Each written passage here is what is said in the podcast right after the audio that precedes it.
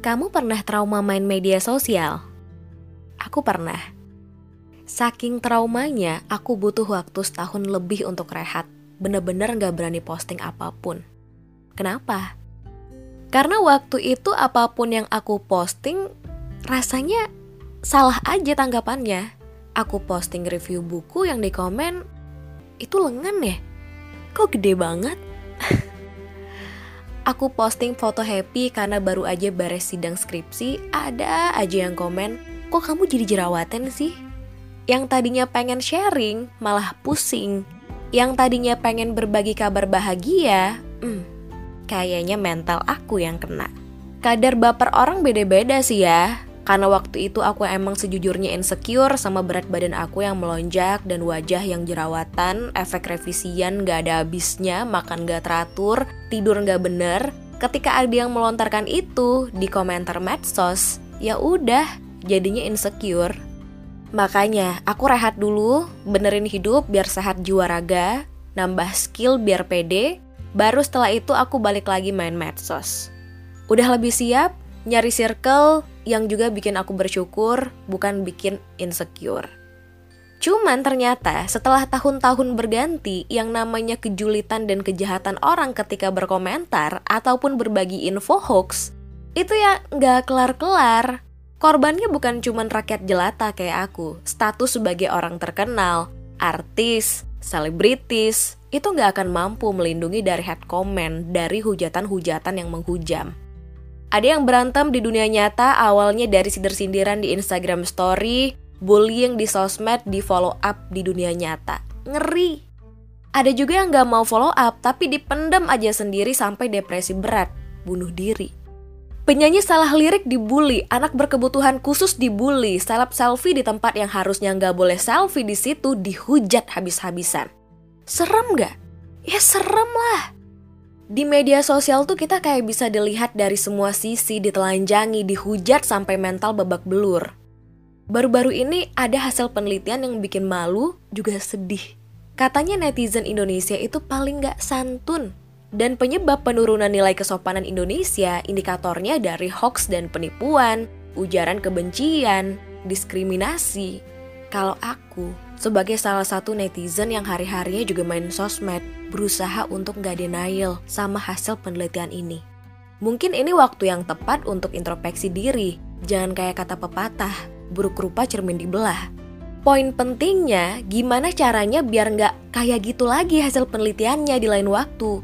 Gimana caranya kita-kita ini, masyarakat Indonesia yang dulunya terkenal ramah, penuh sopan santun, nggak akan pernah lagi masuk di kategori netizen paling nggak santun. Jawabannya mesti kita contek di mana?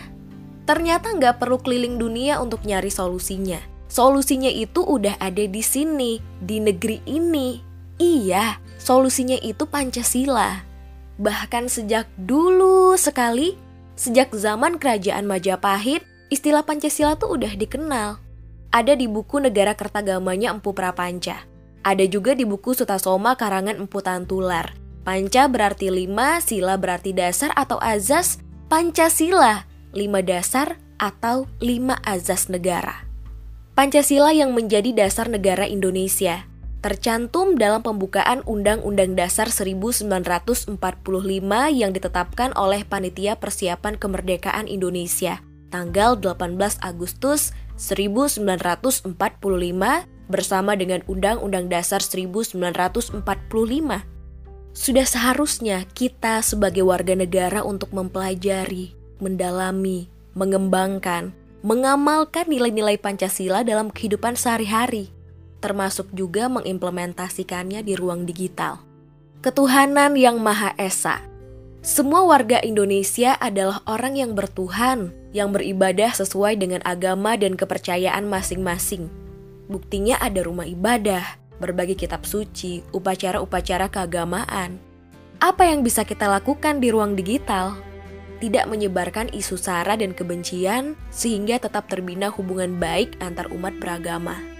Tanggal 13 Mei 2021 menjadi momen yang istimewa. Di hari yang sama, Idul Fitri dan kenaikan Isa Al-Masih dirayakan bersamaan.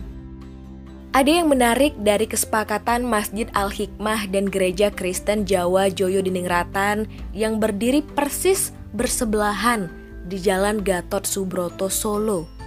Kalau biasanya peribadatan dilakukan pagi hari jam 8, tetapi ketika di saat yang sama saudara-saudara yang muslim juga beribadah menjalankan ibadah sholat id, pelaksanaan ibadah umat Kristen dan Katolik diundur menjadi pukul 5 sore. Toleransi Perbedaan itu bukan jadi sumber perpecahan, namun menjadi momen merajut kebersamaan antar umat beragama. Toleransi yang menghangatkan hati seperti ini jangan sampai dikotori dengan postingan-postingan isu sara dan kebencian di ranah digital. Kemanusiaan yang adil dan beradab. Bangsa Indonesia dikenal sebagai bangsa yang ramah tamah, sopan santun dengan sesama. Di ruang digital kita harus apa? menghormati dan menghargai hak-hak dan pendapat orang lain, tidak menyebarkan berita hoax. Persatuan Indonesia Ciri khas bangsa Indonesia adalah rukun dengan sesamanya, bersatu, kekeluargaan. Semboyan bersatu kita teguh, bercerai kita runtuh, jangan sampai tinggal cerita. Kalau dulu kita mampu gotong royong membangun rumah, tempat ibadah, dan lainnya, sekarang ini kita pasti bisa kok menjunjung tinggi persatuan, tidak menyebarkan info yang memecah belah. Kerakyatan yang dipimpin oleh hikmat kebijaksanaan dalam permusyawaratan perwakilan. Demokrasi sudah ada sejak dulu di masyarakat Indonesia. Ini terlihat dari adanya bangunan-bangunan yang digunakan untuk musyawarah. Ada balai agung dan dewan orang-orang tua di Bali untuk musyawarah. Ada nagari di Minangkabau surau-surau di daerah lainnya.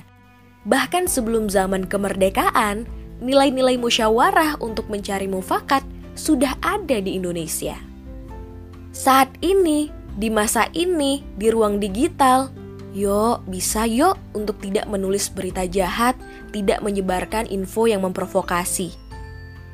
Keadilan sosial bagi seluruh rakyat Indonesia – Bangsa Indonesia sejak lama terkenal dengan sifatnya yang sosial dan berlaku adil terhadap sesama. Kita bisa lihat ada bendungan air, tanggul sungai, lumbung desa, sumur bersama, semuanya digunakan secara bersama-sama. Kini di ruang digital, kita bisa menuangkan pendapat dan berekspresi di medsos, tapi tetap taat aturan dengan memperhatikan kebermanfaatan bagi sesama. Negara dapat diibaratkan sebagai sebuah bangunan.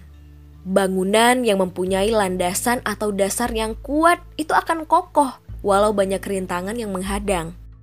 Begitu pula dengan negara, agar tetap bereksistensi, bangunan itu membutuhkan suatu dasar yang kuat dan kokoh.